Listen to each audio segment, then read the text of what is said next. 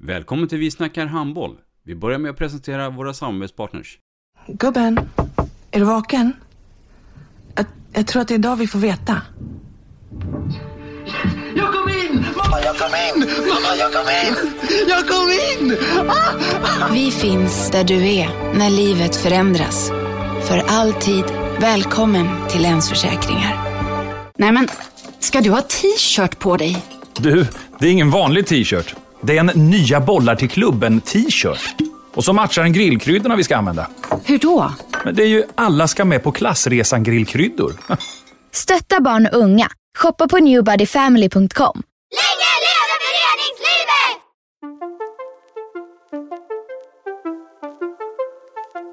Välkommen säger vi till dig som lyssnar till den nya handbollspodden Vi snackar handboll med Robban Z och Dagge.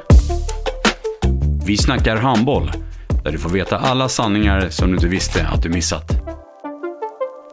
Vi snackar handboll. Idag i programmet Vi snackar handboll så har vi ju en riktig tränargeneral och eh, mångårig kunnig ledare, Dagge. Eh, ja, men det har vi. Vi har med oss eh, Uffe Schäfert idag, eh, som har ju verkat på i stort sett alla nivåer. Eh, vad det gäller tränarrollen i alla fall. Eh, det ska bli intressant att ta del, Uffe, av dina, dina erfarenheter från både inhemsk och internationell handboll. Välkommen! Tack så mycket! Ulf Håkan Schevert, född 18 april 1957 i Sandviken. Vem är det? Ja, jag var ju definitivt ingen general, för jag var ju malaj i lumpen. Så att det var väl så långt ifrån general man kan komma. Bastuvakt var min sista. Så att, nej, jag är född som sagt 1957 i Sandviken. Uppvuxen på bruket, som man säger, i Sandviken. Uh, ja, började där med att spela fotboll och handboll och allt vad det var som fanns där. Det var ju en, var fortfarande även en idrottsstad där, även om handbollen tyvärr är ganska död. Jag tänkte ju säga det, för mig under hela min livstid så har ju Sandviken varit en vit fläck på handbollskartan i Sverige. Men det var lite annorlunda några år tidigare måste det ha varit då? Ja, det blev ju... På slutet där av 60-talet så gick man ju upp i i allsvenskan som det hette då. Och det kunde ha varit 68, 69 där. Man var 10-11 år. Då var man ner och såg Sandvikens HK som de då hette spöa Hellas då alltså, inför över 2000 på läktarna där i, nere på Järnvallen. Och sen hade vi en gympalärare som också spelade handboll, så det blev ju handboll. Och man hade sån här UV-verksamhet som det hette på den tiden. Man kom ner och spelade. Det var ju inte lag så mycket på den tiden innan man blev lite äldre. Va? Men de, de hade bra verksamhet. Och tidigare fanns det ju fler handbollslag i Sandviken. Man gick väl ihop till Sandvikens HK, det vet jag inte när det var. Men innan hade ju SCF Förta och ja, det fanns många lag där. Så det var en stor sport då. Sen tyvärr tacklade jag med tiden och det hade väl kanske med ledarfrågan att göra. Det var en stark man som hette Pullik Brodin där va, som, som eh, levde för handbollen och, och, och, drev det. Men när han försvann så, så var det svårt att få någon som tog över tror jag. Mm. Och det är synd. Det är synd. För det, det är som du säger, det har, det, eller det har ju varit en, en, en riktig handbollsstad en gång i tiden. Mm. Nu är det mest bandy bara. Fotbollen går väl hyfsat också. De ligger ju i division 1. Ja, så de har ju chans att gå upp i, i, i superettan där kanske. Mm. Den här årgången som du tillhör, 57 hur, hur, hur bra var den allmänt i, i bruksorten Sandviken? Det var rätt hyfsad faktiskt, både i, i fotboll och, och, i handboll. Det var ju ungefär samma gäng där. Uh, jag tror vi var i final i den här 70 uh, i Eskilstuna ett år. Fast då var vi nog ett år yngre. Det var 56-57 och vi torskade mot Klick i finalen där med Kopplema och de här som spelade då. Uh, och sen året efter, var, eller om det var året före, svårt att hålla reda så jävla länge sedan. Men så var vi också med i Umeå där jag spelade jag kom ganska långt. Mm. De där. Och det samma år i fotboll också, att vi hade bra pojklag i fotboll. Vi var väl i pojkfinal i SM. Var det, jag vet inte om det hette så, men vi hade ju någon spelare som blev riktigt bra. Där Rolle Åhman bland annat och spelade i Djurgården och Ola Andersson. Men det var ju mycket man höll på, både med handboll, fotboll, en del höll på med hockey, hockey, hand, fotboll och sånt där. Så att det, det var ju mycket idrott va, i Sandviken på den tiden. Mm. Du lämnar ju sen Sandviken och går ju vidare i livet. Berätta lite om den resan. Ja, efter gymnasiet vet du, man gick ju inte ut med de där lysande betygen där. Det var inte... Man gick ju sån här tvåårig social. Uh, och uh, började man jobba nere på järnverket, det gjorde man de flesta direkt där. Men man fick ju jobb på en gång nästan. Och det blev lite lumpen och sen började man ju fundera och vad man skulle göra. Och så kom jag in på skola i Östersund så jag flyttade dit. Men det var nästan lite mer fotboll på den tiden för mig. Man dubblerade och man spelade fotboll på sommaren och handboll på vintern. Så att det var, mycket, det var rätt mycket fotboll. Jag kom med och var med någon match på bänken där i division 2 norra som det hette då. då. så kom jag in på skola i Östersund och på socionomutbildningen där för förvaltningslinjen. Och flyttade upp till Östersund 1977. Mm. Och eh, ja, skulle spela fotboll med IFK Östersund där, va. Och eh, spelade inte så mycket handboll. Jag tränade någon gång med Östersund HK där va. Körde rätt mycket fotboll, var där mycket, var med många träningsmatcher. Men sen när serien började fick jag inte vara med. Så då blev det lite mer handboll och sen jag tror handbollen passar mig lite bättre också. Jag var lite långsam i fotboll. Så, Mm. Uh, så var det lite mer infighting, handboll och sånt. Det passar rätt bra. Så. Vi började spela, spela mer och mer handboll i division 2 norra. Det var ju hiskliga resor. Vi åkte ju fredag, kom hem söndag liksom. Upp till Kiruna och... Uh, Det var dubbelmatcher då? På... Nej, vi, vi hade faktiskt inte så många dubbelmatcher. Nej. Man for upp till Kiruna, man kom upp där lördag morgon och så var det match tidigt så man hann med tåget tillbaka så var man hemma söndagen. Ja. Uh, och jag hade ju jävligt roligt på de där tågen, det kan jag säga. Och det var ju skoj. Vi hade ganska bra lag också. Vi hade ju några söderifrån som spelade.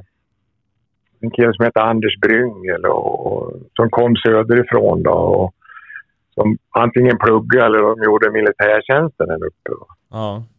Så vi var väl, låg i topp där i, i division 2 norra. Det var ju Malmberg och Kiruna, B, vad heter de? BK va? Och AIF. va? Kiruna HK. Nej, Kiruna AIF, AIF, heter de då. AIF, Allmän IF, ja. Det stämmer det. Ja, te- hette de andra. Ja, K- jag, De andra hette K, Kiruna BIK eller något där va? Ja, jag kommer inte ihåg. Det var två Kiruna-lag. Jag tänker på Klingvall. Är, stötte Ja, ni på varandra där?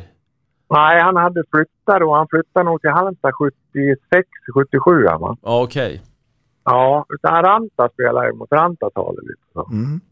Apropå flytt då, då Uffe, så är du en Ja. bra bit mellan eh, Östersund och Halmstad.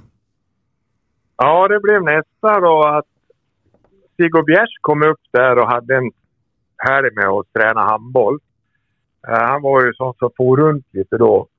Eh, och det var väl då kanske första gången man fick lite upp ögonen egentligen vad, vad handboll var på något sätt. Mm. Eller hur, hur, ja, hur det kanske skulle vara i alla fall. Och samma veva där skulle jag sen ut på en praktikperiod eh, med skolan, eh, en termin. Och då sökte jag mig ner till Ha- Halmstad. För Siggo var i Halmstad då. Han hade ju tidigare varit sån här rikstränare och åkt runt i Sverige. Men han var haft- tränare för, för drott då, menar du? Nej, nej. Han, han var inte tränare för någon utan han var... Han är ju från Halmstad men han var ju mycket uppe i... Åkte runt i Sverige och, och, och, och försökte popularisera handbollen. Mm. Men han var ju pensionär då men jag vet inte hur de fick upp han till Östersund den här i alla fall. Och vi, ja, tände. Det här var ju häftigt. Så jag sökte ner till eh, Halmstad en praktikplats där på Hallands läns landsting. Men det var en kille som var idrottsintresserad, spelade handboll och fotboll som tog hand om mig som eh, handledare. Så hade jag pratat lite med Sigge och han hade pratat med Brott att jag skulle få med och träna där. Och det var 77 det här. Mm. Så, nej, 79 var det. 79, ursäkta. Så då, på den vägen är det. Så jag åkte ner där, tog min resväska och så eh, gick jag ner och var med och tränade. Och, och efter ett antal matcher där när ligan hade börjat så blev Carlén sjuk tror jag. För han var där i samma reva. Han gjorde lumpen och jag tror han blev sjuk så jag fick hoppa in där och spela, var med borta mot Hellas faktiskt. Det var nog debuten, Hellas borta. Jag, spelade nog mest bakåt då tror jag. Det gick så snabbt framåt det med Böna, Einar och Klingvall och de där som man var ju nästan värre att spela, spela framåt. Det gick så fort. Så på den vägen. Sen blev jag kvar där i många herrans år i Halmstad och spelade ju fram till 84 när vi tog SM-guld. Det stämmer det. Ja. Så att, och sen då sa dåvarande ordförande Olle Hagström på när vi hade någon bankett där efter SM på, tror vi var på Muggen på Hotell Hallandia där inte helt sobra, varken han eller jag. Att nu kan du lägga av och spela, nu kan du bli tränare istället. Ja. Eh, och så, så visade han med tummen och pekfinger och en centimeter hur mycket bättre jag kunde bli som spelare. Och så visade han med, med båda händerna, ungefär som en stor gädda på 10 kilo, att med så mycket träning kunde jag bli så lite mycket bättre, sa han. Det var ungefär vad han gjorde som förklaring varför jag skulle bli tränare istället. Och det var ju rätt roligt att höra. Han var rätt krass alltså. Ja. Jag trodde han, han svamlade tänkte jag. Jag var ju 27 år. Jag hade ju inte hållit på med några, eh, vad heter det, träningar eh, mer än pojklag. Liksom. Och hoppa rätt in där med de här landslagsspelare till höger och vänster. Det var ju inte så enkelt. Men det blev så. Var, var det, var det Benga-Johan du efterträdde då eller? eller? Ja, Bengan skulle, Bengan skulle ha lite break då. Ja. Så jag hoppade ju på det där. Det var inte så mycket tränare kan jag inte säga. Liksom. Jag hade ju block och en visselpipa och ja. Men jag fick ju bra stöd av Lennart Hallgren och även Bengan om det var så. Va? så att, men det var ju killarna som ställde upp där. Och, Mm. på ett jävla bra sätt. Va? Och vi snackade oss samman lite hur vi skulle spela och eh, ja, på den vägen var vi. var på någon turnering i Norge där vi vann och så var vi en vecka i Kiel. Vi var ditbjuden och, och sen rullade det på det så att eh, ja, det gick ju bra det första, det där året där. Va? Det var då vi förlorade den här matchen mot RIK där i femte avgörande. Så.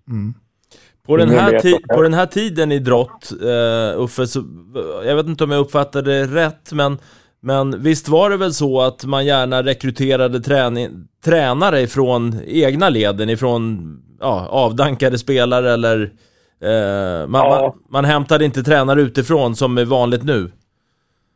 Nej, alltså under de här åren. Först kom jag ett år där som ett mellanspel kan man säga. Sen var ju Bengan tillbaka. Mm. Och sen jag stack ju till Stockholm efter ett år och läste på GH. Mm. 85 till 87 där gick jag på GH. Ja. Och då var ju Bengan tillbaka. Och sen när han slutade, jag blev förbundskapten då va, och inför säsongen 88 där då. Då ringde Olle igen va, och sa nu får du komma tillbaka och betala tillbaka. Vad fan ska jag betala tillbaka för någonting? Jag hade inte någon större lön där. Jag var i, i drott va, utan de menar annars hade jag aldrig kommit in på GH om jag inte hade haft det där året. Och det stämmer nog. Du, Så att, eh, du var i kom jag drott då 88 till 93. Ja. Och sen efter mig kom väl Bengtsson och det var ju mycket intern rekryteringar. Magnus Andersson, Tubby. Mm. Uh, det har man Nu är det ju Lars Magnus, eller Thomas Givertsson som var och Surra Niemi och Henrik Andersson har väl varit där och Thomas Eriksson. Ja, så att man har ju försökt att jobba så. Mm. Om du, eh, vi ska fortsätta med din karriär eh, så småningom, men om du tittar på drott nu eh, och det egentligen tragiska raset som, som, som de har gjort här de, de senaste åren. Vad, vad känner du runt det och vad beror det på? Ja, Jag är lite för dåligt insatt. Jag har ju fått den där frågan tusen gånger där va. Och jag menar, från när man var och vann SM-guld och rätt 2013 eller sånt där va. Ja, det var nog det året Ja. vi var uppe i Skåne med elitserien, då, då vann drott. Ja, den där matchen mot Kristianstad va. Och så, sen efter det gick det ju bakåt och jag vet inte, det var ett dyrt äventyr det här tror jag, Champions League och sånt här va. Som, det blev väl inga intäkter på det utan en jävla massa kostnader och alltså vad som hände där, det vet jag inte riktigt. Jag, jag tycker inte riktigt någon har pekat på ex, om, exakt vad det kan vara men alltså på min tid så tackade vi ju nej till Europa, Europacupspel när vi inte hade ekonomi. Jaha, konsekvent. Ja, första, första året där jag var med så tackade vi nej för då, då var det för dyrt och så. Va? Och jag vet inte, det kan väl vara en anledning. Det finns säkert många faktorer som spelar roll varför det gick bakåt. Sen började man ju också skifta tränare mitt under säsong. Siversson fick väl gå där och alltså man hamnar i den här, liksom den här cirkeln där va. Att, ja men nu ska vi byta tränare för vi vann inte och lite sådana här saker va. Och så blev verkade det rena cirkusen där va. Och man anställde sportchefer och sånt. Så var det inte, fanns det ju inte på min tid där va. Utan då hade vi en äldre man som jobbade på kansliet boka resor och hade så. Vi hjälpte till, vi som var tränare, fast vi inte var heltidsanställd. Vi var knappt halvtidsanställd på den tiden. Eh, jag tror kanske att man, man eh, satt på sig en kostym som var alldeles för stor. Och sen prövar man att växa in i den och det klarar man inte.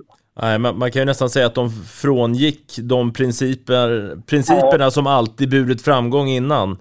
Eh, Ja. men, och, men jag menar, det, det är lite egentligen av ett rekord. Jag, jag har för mig att de åkte väl ur serien tre år på raken. Ungefär i sam, samband med att den nya hallen stod klar. Ja. Eh, Och eh, utan att veta så mycket. Jag, jag vet jag var där och frågade mig om jag ville bli tränare där. Men jag tackade nej för jag var så mycket drottare. Alltså jag bor 13-14 mil härifrån och då ska ni ha en lägenhet till mig i Halmstad och jag ska ha en lön. Inte för att jag tog några fantasilöner men det kostar ju att ha en tränare som pendlar och lägenhet hitan och ditan. Va? Alltså, varför, vad, ska jag, vad ska man göra det om man har ont om ekonomi? Om man har dålig ekonomi. Så då. Jag var där och snackade med honom. Så ta någon härifrån. Det finns ju mängder av gamla spelare som, har, som kan hjälpa till att ha ett stort rockhjärta. Det var ju mycket där det handlade om idrott. va. Vi var ju jävligt starka inåt, liksom, eller utåt, mot andra. Alltså sen kunde det ju smälla utav helvete, ur- ursäkta jag svär, men i, på träningar och högt i tak och allt vad du vill. Men liksom utåt var vi ju oerhört enade. Eh, under de åren jag var där, både som spelare och som eh, tränare. Va? Det har ju varit styrkan och så en oerhörd vinnarkultur. Va? Har du tagit med dig det i, i din karriär? Just det här med att stå enade utåt. Har det varit viktigt? I alla de uppdrag Ja. du har haft? Ja, utan att man kanske har uttalat har man ju försökt att jobba utifrån det. här, Liksom att att eh, vi mot dem. Va? Skapa det där. Sen är det svårt att skapa. Vinnarkultur måste du skapa att vinna mycket. Va? Det, det, det får du ju vinnarkultur av att du vinner mycket. Och det är inte alla lag man har varit i som har vunnit mycket. Va? Utan, men man får, man får ju liksom jobba på att ju mer du vinner desto starkare blir den här kulturen att hata och förlora. Va? Du ska hata och förlora.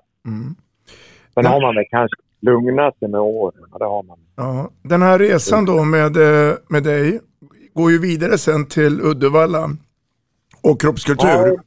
Ja, sen, Danmark. hamnar, du- sen hamnar du i Ja, Danmark Dan- också. Jag var ju där några år i Danmark som förbundskapten för herrarna där 93 till 97. Just det, det stämmer det. Men du har hoppat över Tyresö nu va? Ja, det gjorde jag. Det får jag inte göra. Nej. Nu- Lite, lite nu kort bara med alla dessa talanger där med Putte Nygren i spetsen och så vidare. Ja, det var ju häftigt att ha de här småknattarna. Vi hade väl sex vänsterhäntar. I det här 68-69-gänget. Det var ju fantastiskt eh, härliga killar där uppe i Nybodahallen. Skitigt var det där. Jag glömmer aldrig när vi spelade någon kvalmatch där mot Olympic, vad heter de? Då de kom i vita overaller där. Så skitigt det var. De gick inte att ligga på golvet där i gamla Nybodahallen. Och vi hade väl knappt en overall där. Jag vet Torra Nemme spelade någon match i ekodojor han tror. Han hade inga riktiga skor, de hade gått sönder. Micke Sjölin, ah, det var jag och Ingmar Eriksson var där. Vilka turnéer vi gjorde med dem. Men det var duktiga Alltså- spelare. Ja, fantastiskt. Och jäkla, vad heter han, seriösa i sin sport och träningsvilliga och ställa allt upp. De kunde ju spela både junior, U21 och allt vad det var. Man körde dem emellan matcherna på Partille där. Och aldrig liksom gnydde liksom. Det fanns, vi hade ju inga sjukgymnaster och sånt och grejer. Det var bara att spela liksom.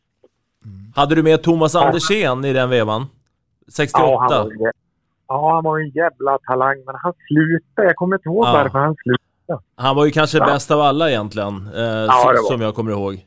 Han var ju riktigt bra. Vilket underbar stegersättning och kroppsfint han hade. Ja, vilken rytm. Han går, ja, vilken ry- Och så var det en kille där, jag kommer inte ihåg vad han hette, med turkisk namn. Han spelade kant. Född 69, vänstersexa. Ja. Han var också jävla bra. Ja, vilka, och sen var ju Sorran igen. Han var en tvärhand hög. Va? Eh, Da- Danne Nygren. Och det var ju ett, jag stack iväg på träningsläger med de där till Tyskland. I en folkvagnsbuss och grejer. va. Ja, vilken... Ja, det, var, nej, det, är- det är ett helt eget program. Ja. Du, eh, sen kommer ju då den här tiden i Danmark. Där de eh, hör av sig från handbollförbundet, det danska. Hur, Ja. hur, hur gick det till? Det var väl att vi hade gjort rätt eh, bra resultat ute i Europa då med brott. Va? Vi gick ju långt i, i gamla Europacupen och vi var final i cupvinnarcupen och sånt. Va? Eh, plus då att då hade vi fått Erik 91 och, och Olle 93 där. Va? Eh, och då hade man i alla fall fått börja på halvtid som tränare. Va? Eh, och så fick jag, jag hade ju tänkt ta Blake då 92 där. Och så övertalade de det sista året. Vi hade ju bra lag där. Eh, Ola kom ju hem och Saharia och... Uh, men då åkte vi ju semi mot RIK det här året. De hade ju i och för sig också bra lag. Men eh, Danmark, det, det, det passade ju rätt bra i tid också då. Två knattar och, och spännande uppdrag. Men det var kanske det var lite för tidigt. Det var ganska lite för ung. Men jag vet, jag fick ju såna här jävla frågor där på presskonferensen liksom som man inte kunde förbereda. Vad har du humor? En jävla märklig fråga liksom. Men de tyckte ju vi svenskar var tråkiga, danskarna. Seriösa, organiserade, tråkiga. Så att, men det gick väl sådär tycker jag. Började ju bra med EM i Portugal vid fyra där. Sen gick det väl lite sämre på Island då. 95. eh, Vi åkte där, vi förlorade första matchen mot Algeriet och det hängde med hela vägen. Mm. Det var ett stort pådrag när man kom till Köpenhamn där. Och, eh, jag skulle gå igenom och visa passet och bara satt han och skakade på huvudet så att händerna i huvudet i händerna när jag skulle trycka på pass och skaka liksom. Och sen tog jag taxi ner till Greve och säger han taxichauffören där liksom ja, jag står för den här resan. Du har nog haft ett helvete.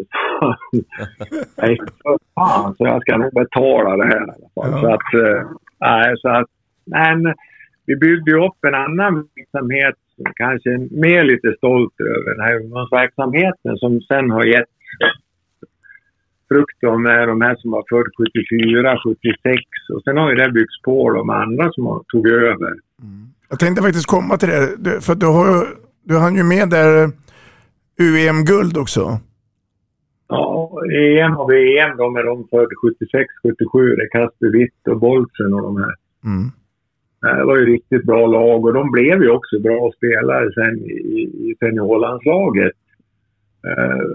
På sikt här var Claes Brun och, alla de här va, som kom. Och, eh, jag vet när jag flyttade hem då 97, där när jag åkte från Kastrup och snackade med någon journalist och sa det att inom en 57 år så kommer man att ta medalj. Och det gjorde man i Sverige sen, vad var det, 2002 va? Tror jag man tog en brons. Ja. Alltså, det hade ju inte rasslat till i medaljskörden för Danmark innan heller. Nej. Eh, Med tanke på vilken stor handbollsnation det är. Mm. Så att, eh, ja. Det är jag och ett gäng till då tränare från Danmark naturligtvis som, som ändrade om strukturen lite och såg till att de började träna lite mer och lite annorlunda kanske. Mm. Den här resan håller ju på fram till 1997 med eh, A-landslaget. Och sen går vi tillbaka till eh, klubbhandboll i Danmark, både på här och damsidan. Ja, det var ju något år till sen längre fram på 2000-talet då. Eh, med GOG då, två år där. Stämmer det?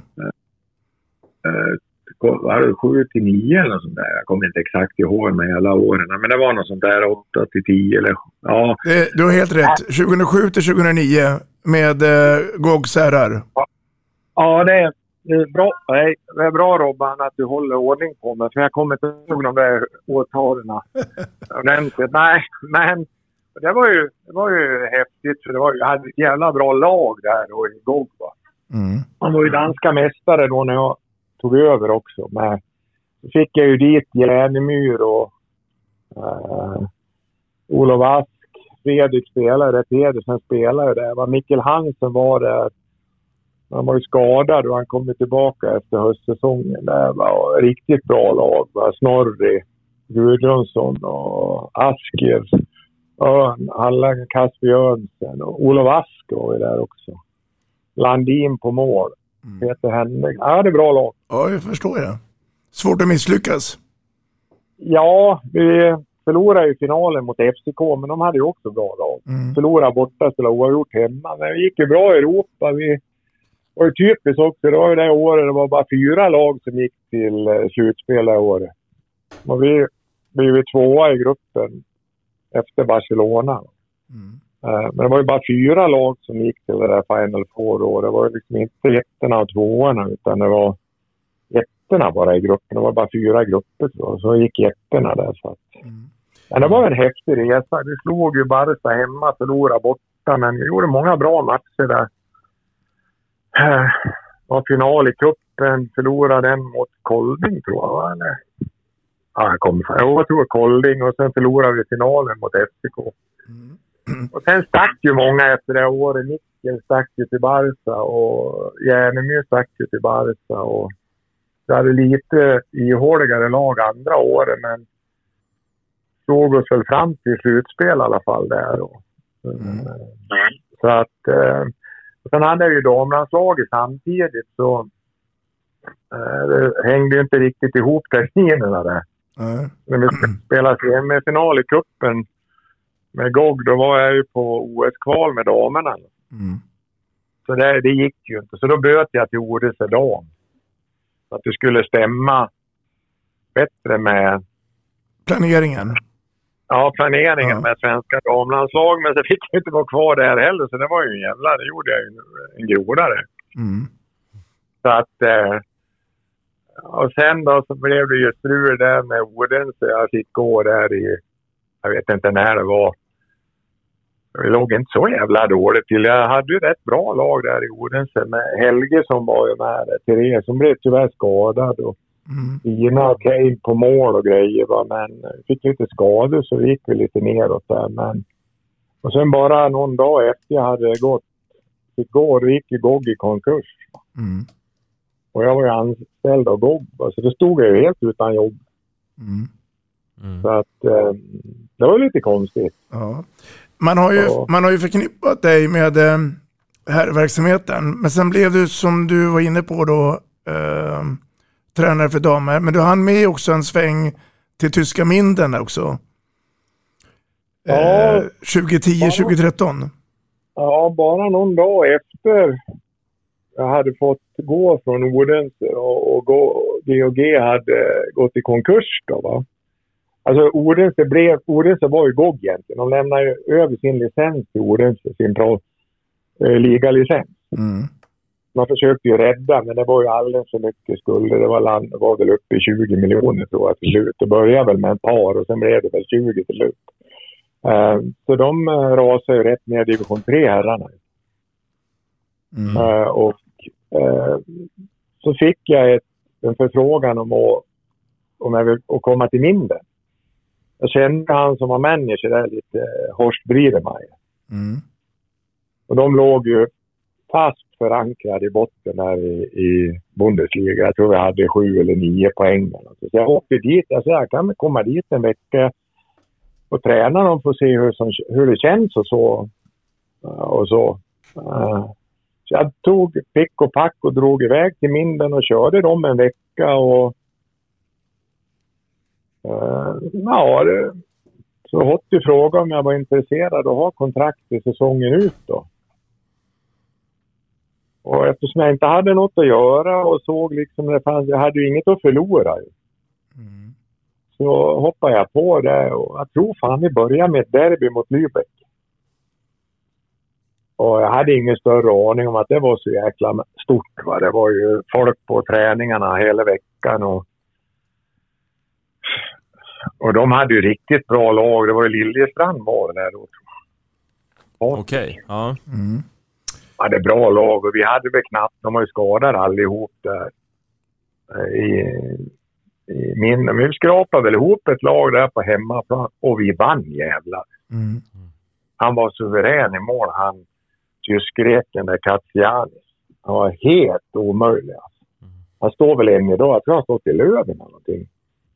Okej. Eller han har, Ja. jag tror närmare 40 nu. Mm.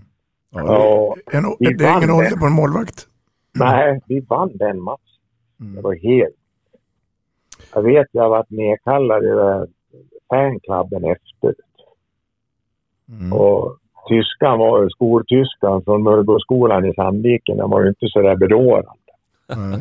Eh, och hade jag druckit alla snaps så hörde de döda så hade de fått bura ut mig därifrån. Så jag fick liksom smuggla väck dem. Eh, det var ju stort att vi slog Lübeck då. Mm. Det var ju fullsatt i hallen Det var ju ett jävla liv. Så det var ju häftigt. Och Mm. sen, så vi hade lite chans att hänga kvar, men Hockey var inte så jäkla intresserad. Och han sa liksom att äh, åker vi ur så, kan vi säga, så sägs ju vissa kontrakt upp automatiskt. Då. Man går i andra Bundesliga, det var ju ingen proffsliga. Det fanns ju två bund, andra Bundesliga på den tiden, norra och södra. Mm. Så vi åkte ur där och så sa han att ja men vill du vara kvar så kan du bygga ett nytt lag. Och så vi åkte ut till slut. Och eh, då hade man ju fått lite blodad tand. Det var ju mycket. Jag vet vi var uppe i Kiel och spela. Jag tror vi hade nio poäng och de 49 eller någonting. Så det var fullt ändå liksom. Mm. Fullt hus där. Och han hade ju... Gislason hade ju kanongäng där med Kim och Alm och, och Seitz och Giska och grejer. Jag tittade då, när han böt hela gänget i och satte in sex nya vet du. Då hade jag ett lite juniorer och grejer på bänken där. va. Så att eh, eh, jag tänkte, äh, det var ändå häftigt va. Så att eh, jag skrev ett tvåårskontrakt där. Och så fick jag ju chansen att påverka vilka spelare jag ville ha. Då hade jag ju läst lite om då det där att han satt lite i kylboxen i Spanien. Mm. Så jag snackade lite med honom, han var intresserad och kunde ju nästan ge han speltid 60 minuter. Så vi lyckades ju lösa då det där och det var ju väldigt stort. Va? En svensk landslagsspelare som kommer till division 2 och Tyskland. Mm. Och så tog jag Anders Persson ifrån Silkeborg, Bäringebro, Mm. målvakt. Och så Karl-Johan Andersson, va? Som kommer från Lugi han spelar ju också i Spanien. Ja, mitt sexa va? Ja, Mm. jag fick ju lite en centrumlinje där från Sverige. Ja. Och det var väl också tanken att vilja ha det. Och så första året gick vi till kval och åkte dit i kvalet mot Hyttenberg.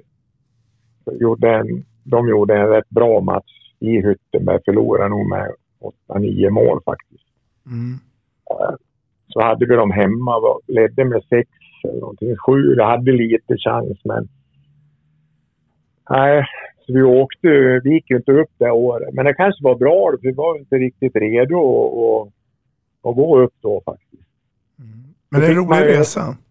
Ja, så fick man ett år till på så då köpte jag ju Bilbia, en sloven från Valladolid och så Svitlica, högersexan, han som var i Guif. Mm. Ja. Ja, Så andra året där, då blev det ju en, en division 2-serie också. Andra Bundesliga. De slog ihop och gjorde den till en, en liga. Mm. Så det blev ju från norr till söder. Va? Det var ju en bra liga.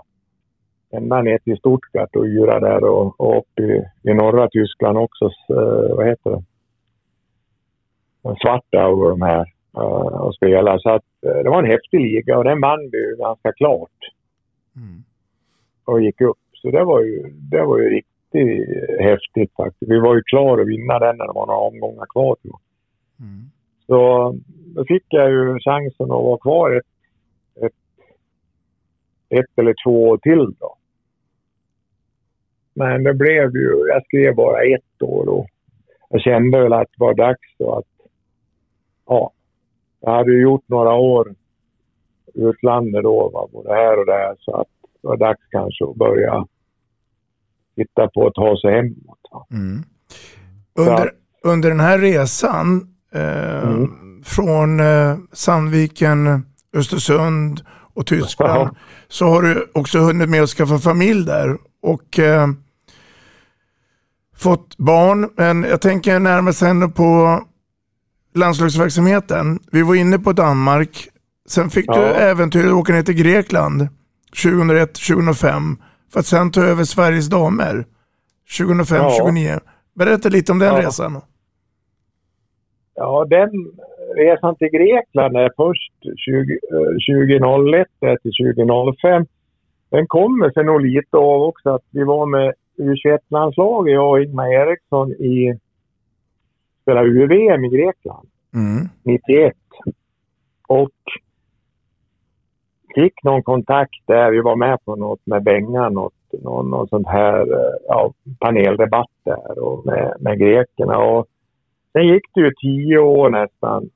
Eh, så ringer han en grek som heter Papadopoulos och frågade om, han, om jag kom ihåg han. Det gjorde jag inte faktiskt. Och sa att de skulle ändra lite på, på grekisk handboll och grekisk mentalitet. De hade haft mycket jugoslaver som tränade rumäner där.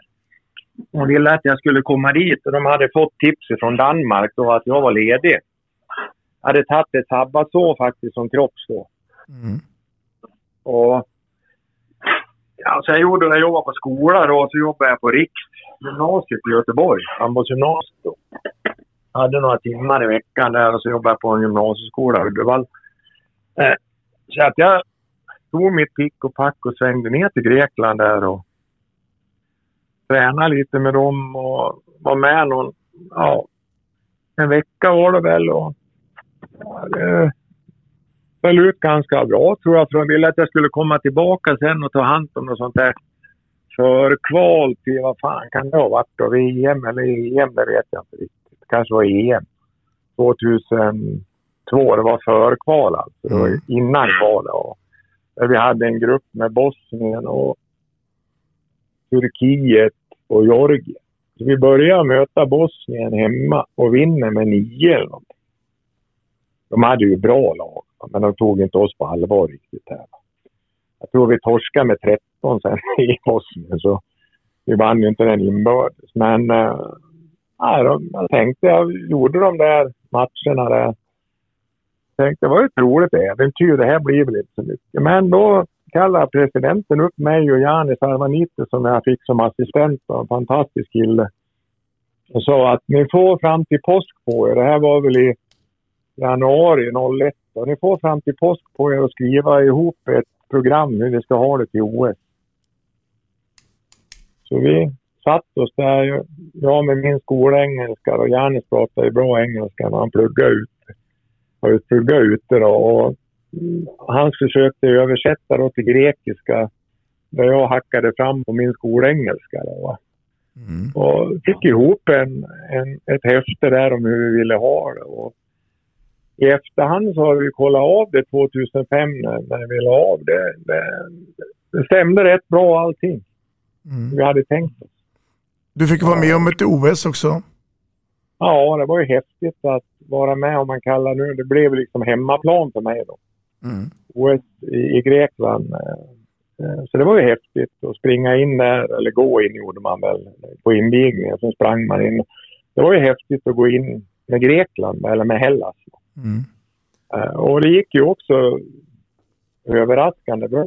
Det Ja, men det, det måste man väl säga att det gjorde, för att jag menar Grekland innan din tid där var väl ingen rätt långt ifrån en stormakt inom europeisk handboll. Ja, nej, det, de hade ju stort, de hade väl gjort en bra match mot Island eller vad det var som på, på seniorsidan. Däremot hade man ju ett gäng killar födda 78-79 där som jag såg fanns en potential i. De hade gjort ett rätt bra junior-EM eller vad det var i Estland någonstans här i baltiska länderna. Mm. Med Balomanos, Karipidis och Alvanos och allt vad hette. Är det Jag han tror- det är bra- Spyros som var i Guif och Ja. Sävehof? Ja. Ja. Okej, var det du som förmedlade kontakten till de svenska klubbarna? ja, lite grann. Men jag har aldrig varit någon sån här agent. Utan, men det är klart att jag hjälpte Spiros lite var han skulle gå och så sen. Och, de hörde ju alltid av sig många år efter också. Så att, men alltså inte någon mer förmedling. Det har jag aldrig hållit på med sånt där.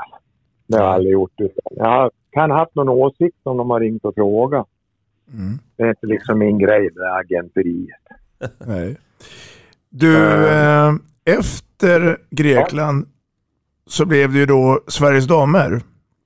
Ja. A-landslaget. 2005 till 2009. Var du överraskad att den frågan skulle komma? Ja, kan jag nog säga. Jag skulle ju...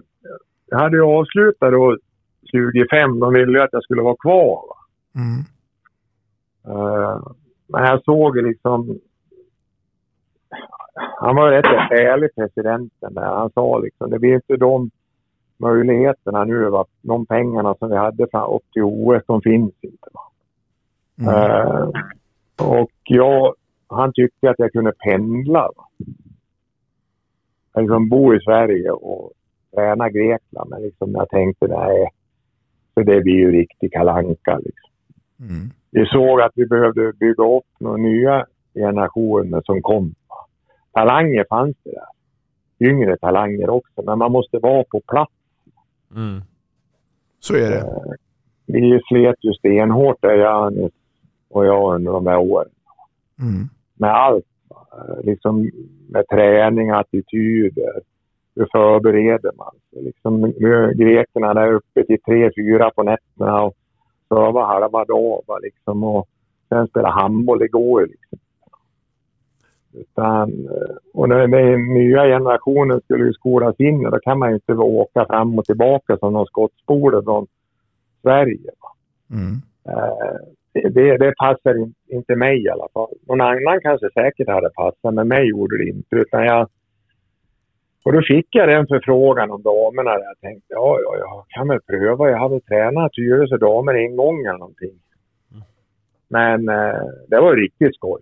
Det var det. Att komma på damsidan och, och, och försöka flytta, flytta fram de positionerna lite. Och det må jag väl säga, det gjorde vi lite grann tycker jag.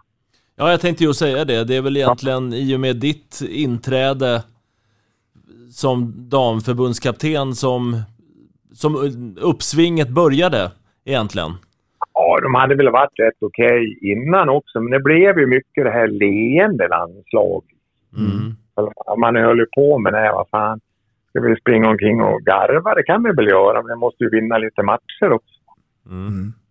Och, och inte vet jag om det var det just inträde där, men vi, vi, eh, vi snackar ju, Per och jag, liksom, att vi måste ju kanske sätta ja, lite tuff attityd.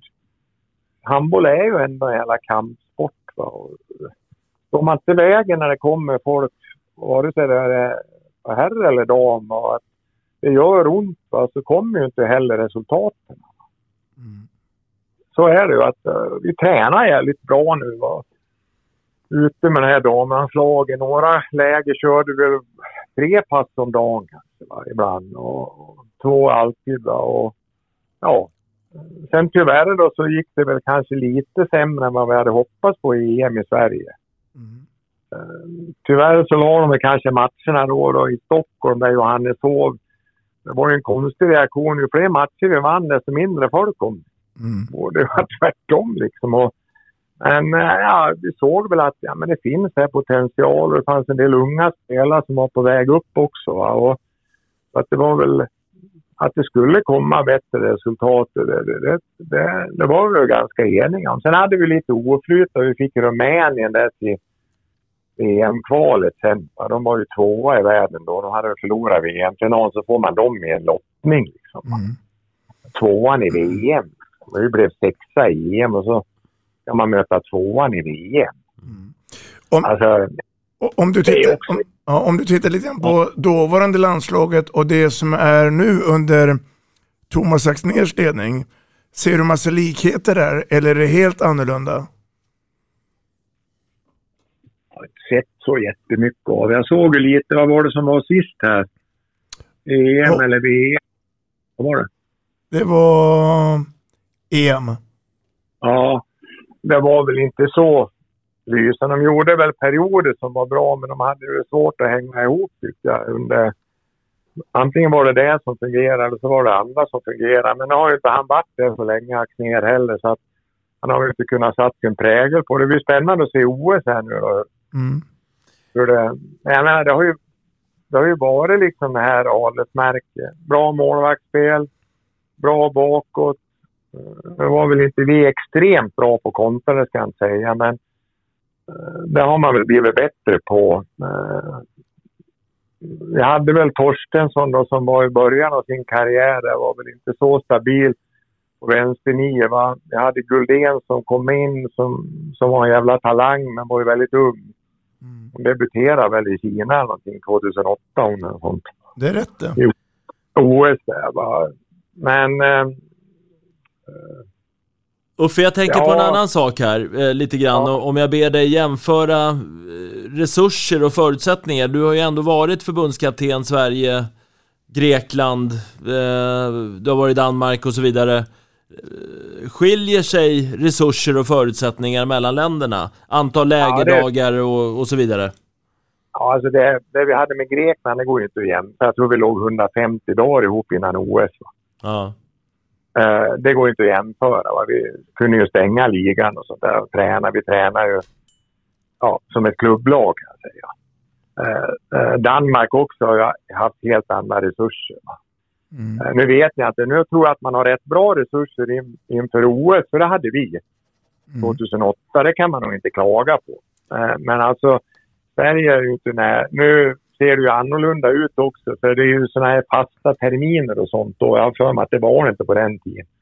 Utan då fick man skrapa ihop. Men det är klart att många länder har, har, har hade det bättre än vad vi hade det 2005 och sånt här. Va? Det, det är ju helt klart. Uh, jag, jag kan det för dåligt där, Dag. Jag, jag är inte så up to date när det gäller det. Men, eh, men jag har ju hört att det är väl fortfarande lika ungefär på ungdomssidan som det var på 90-talet när jag höll på.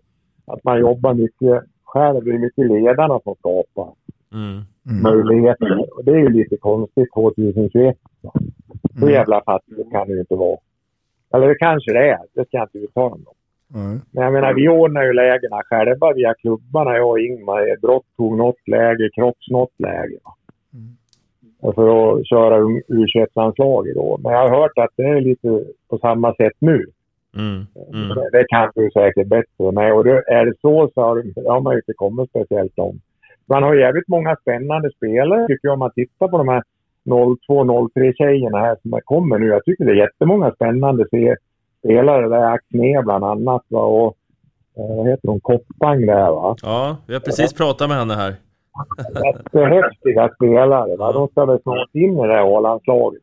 Ja, faktiskt. Eh, Nästan bästa datum på en del har väl varit förbrukat som är med tycker jag. Ja, För de har ju det här. De har ju längden, de har hoppskottet, de har speeden. Det är det vi behöver nu om man tittar på toppen. Mm. Det, det tyckte jag man skilde sig när man tittar på de andra lagen. Sverige, det var långsamt.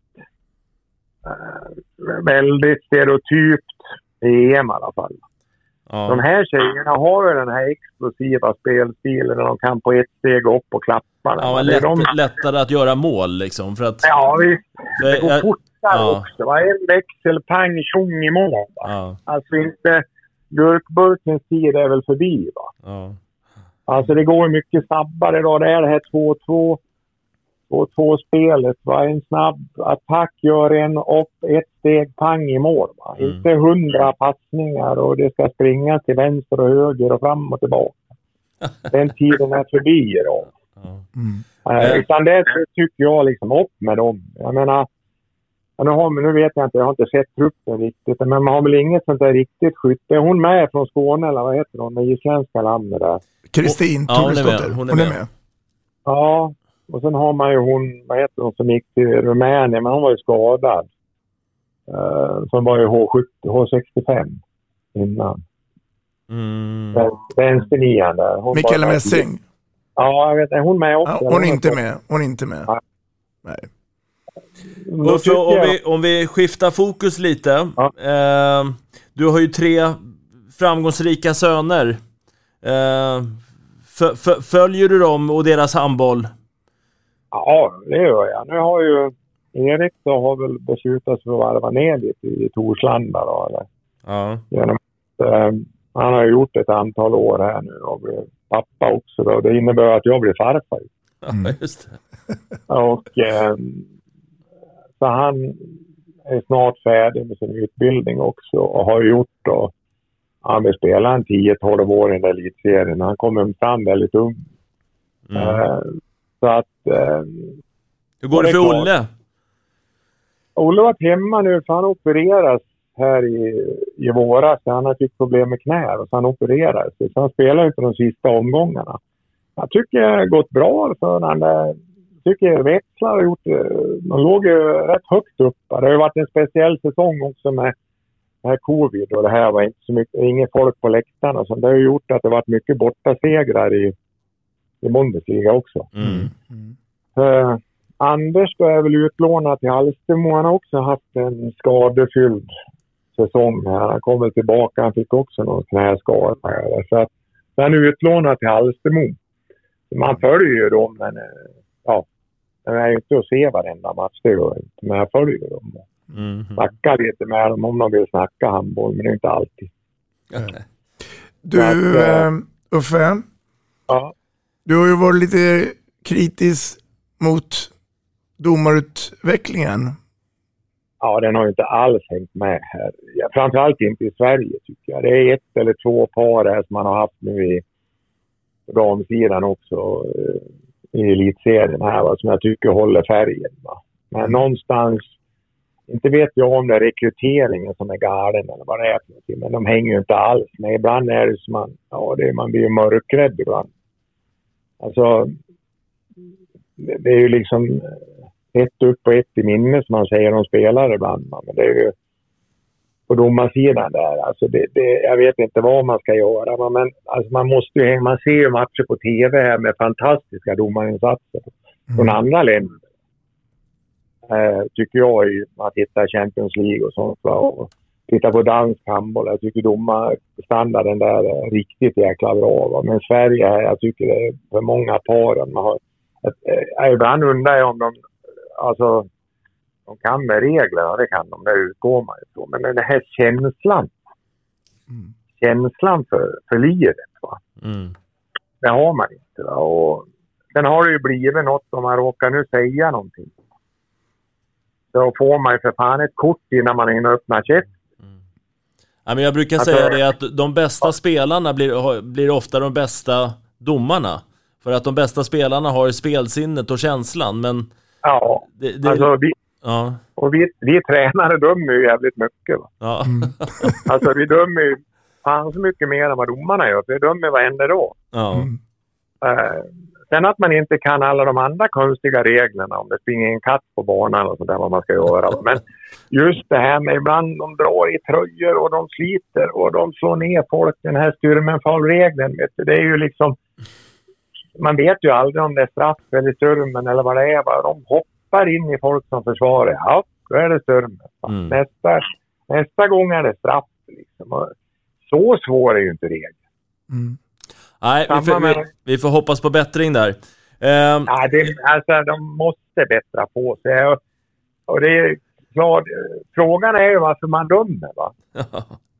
Alltså varför dömer jag? Dömer jag för att det är en, en, en hyfsad inkomst eller dömer jag för att bli bättre? Jag kommer ihåg program Bosse Johansson, Källqvist och de här va, som siktade på att bli världsetta.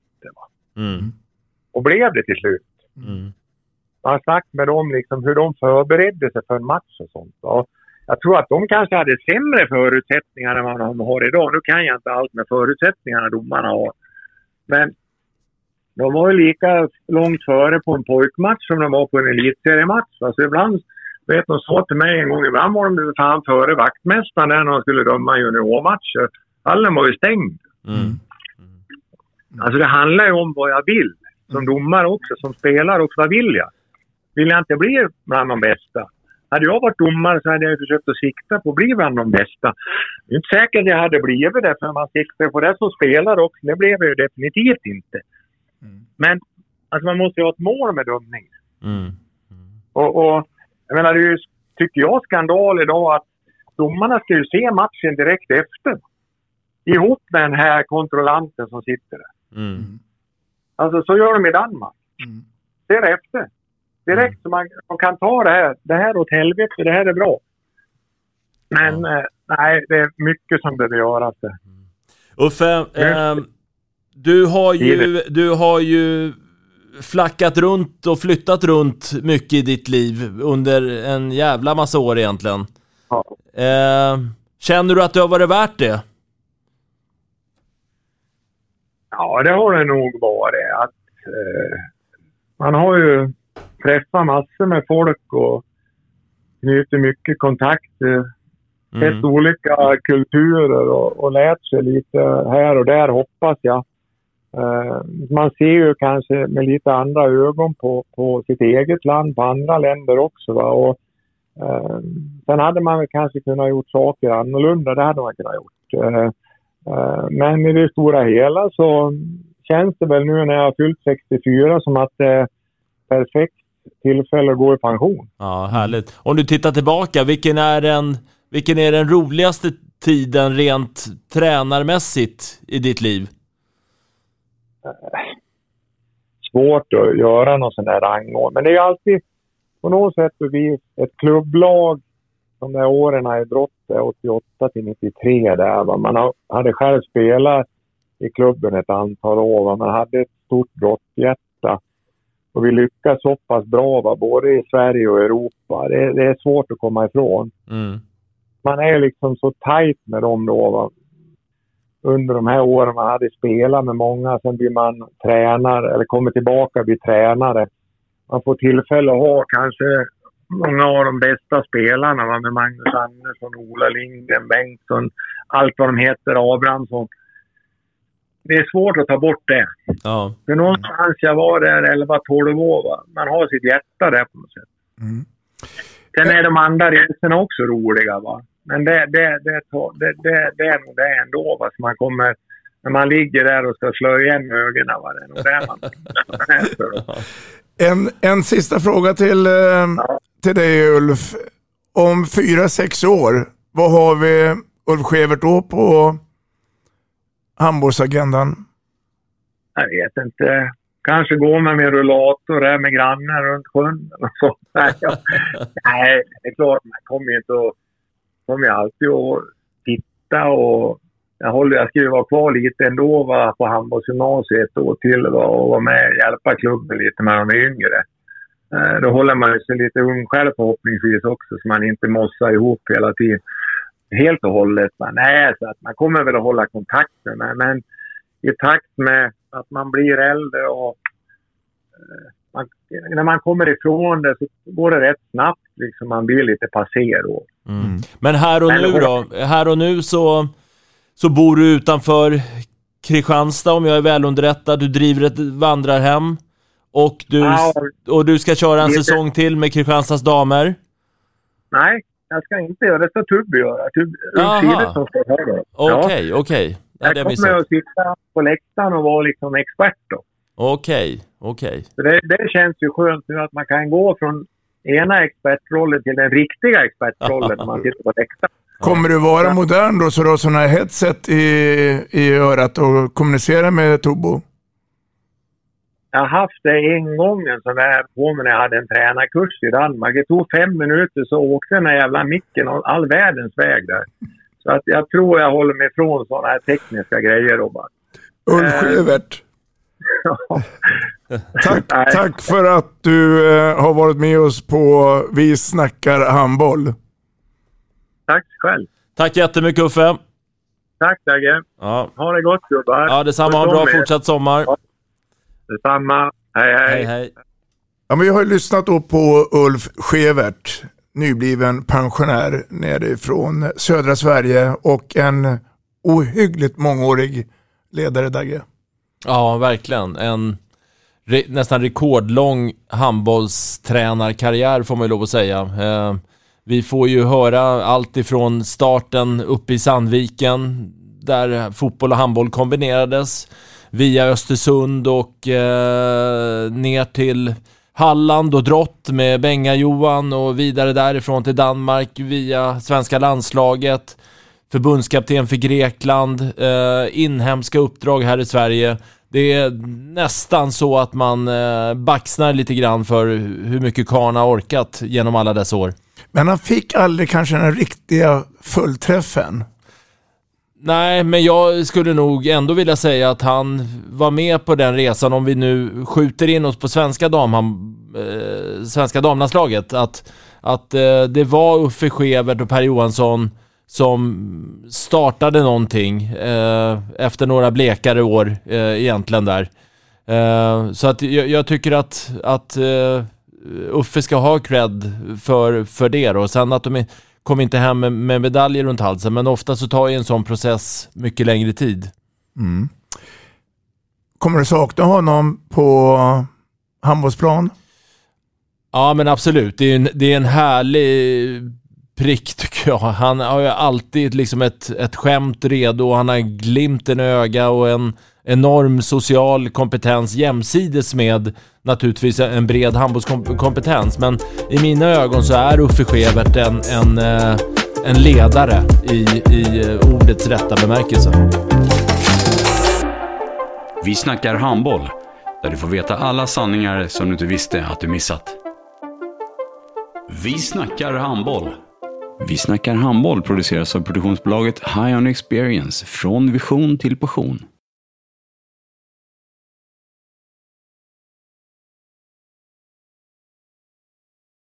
Ett avslutande tack till våra samarbetspartners. Hallå! Kommer ni eller? Ja, ja. Har du sett mina ankelsockar? De här? Nej, nej, jag menar skridskoslip till juniorlaget Ankelsockarna. Ja, men kolla bredvid träningsläger med handbollstjejerna-t-shirtarna. Stötta barn och unga. Shoppa på newbodyfamily.com. Länge leve föreningslivet! Gubben, är du vaken? Jag, jag tror att det är idag vi får veta. In! Mamma, jag kom in! Mamma, jag kom in! Jag kom in! Ah! Vi finns där du är när livet förändras. För alltid välkommen till Länsförsäkringar.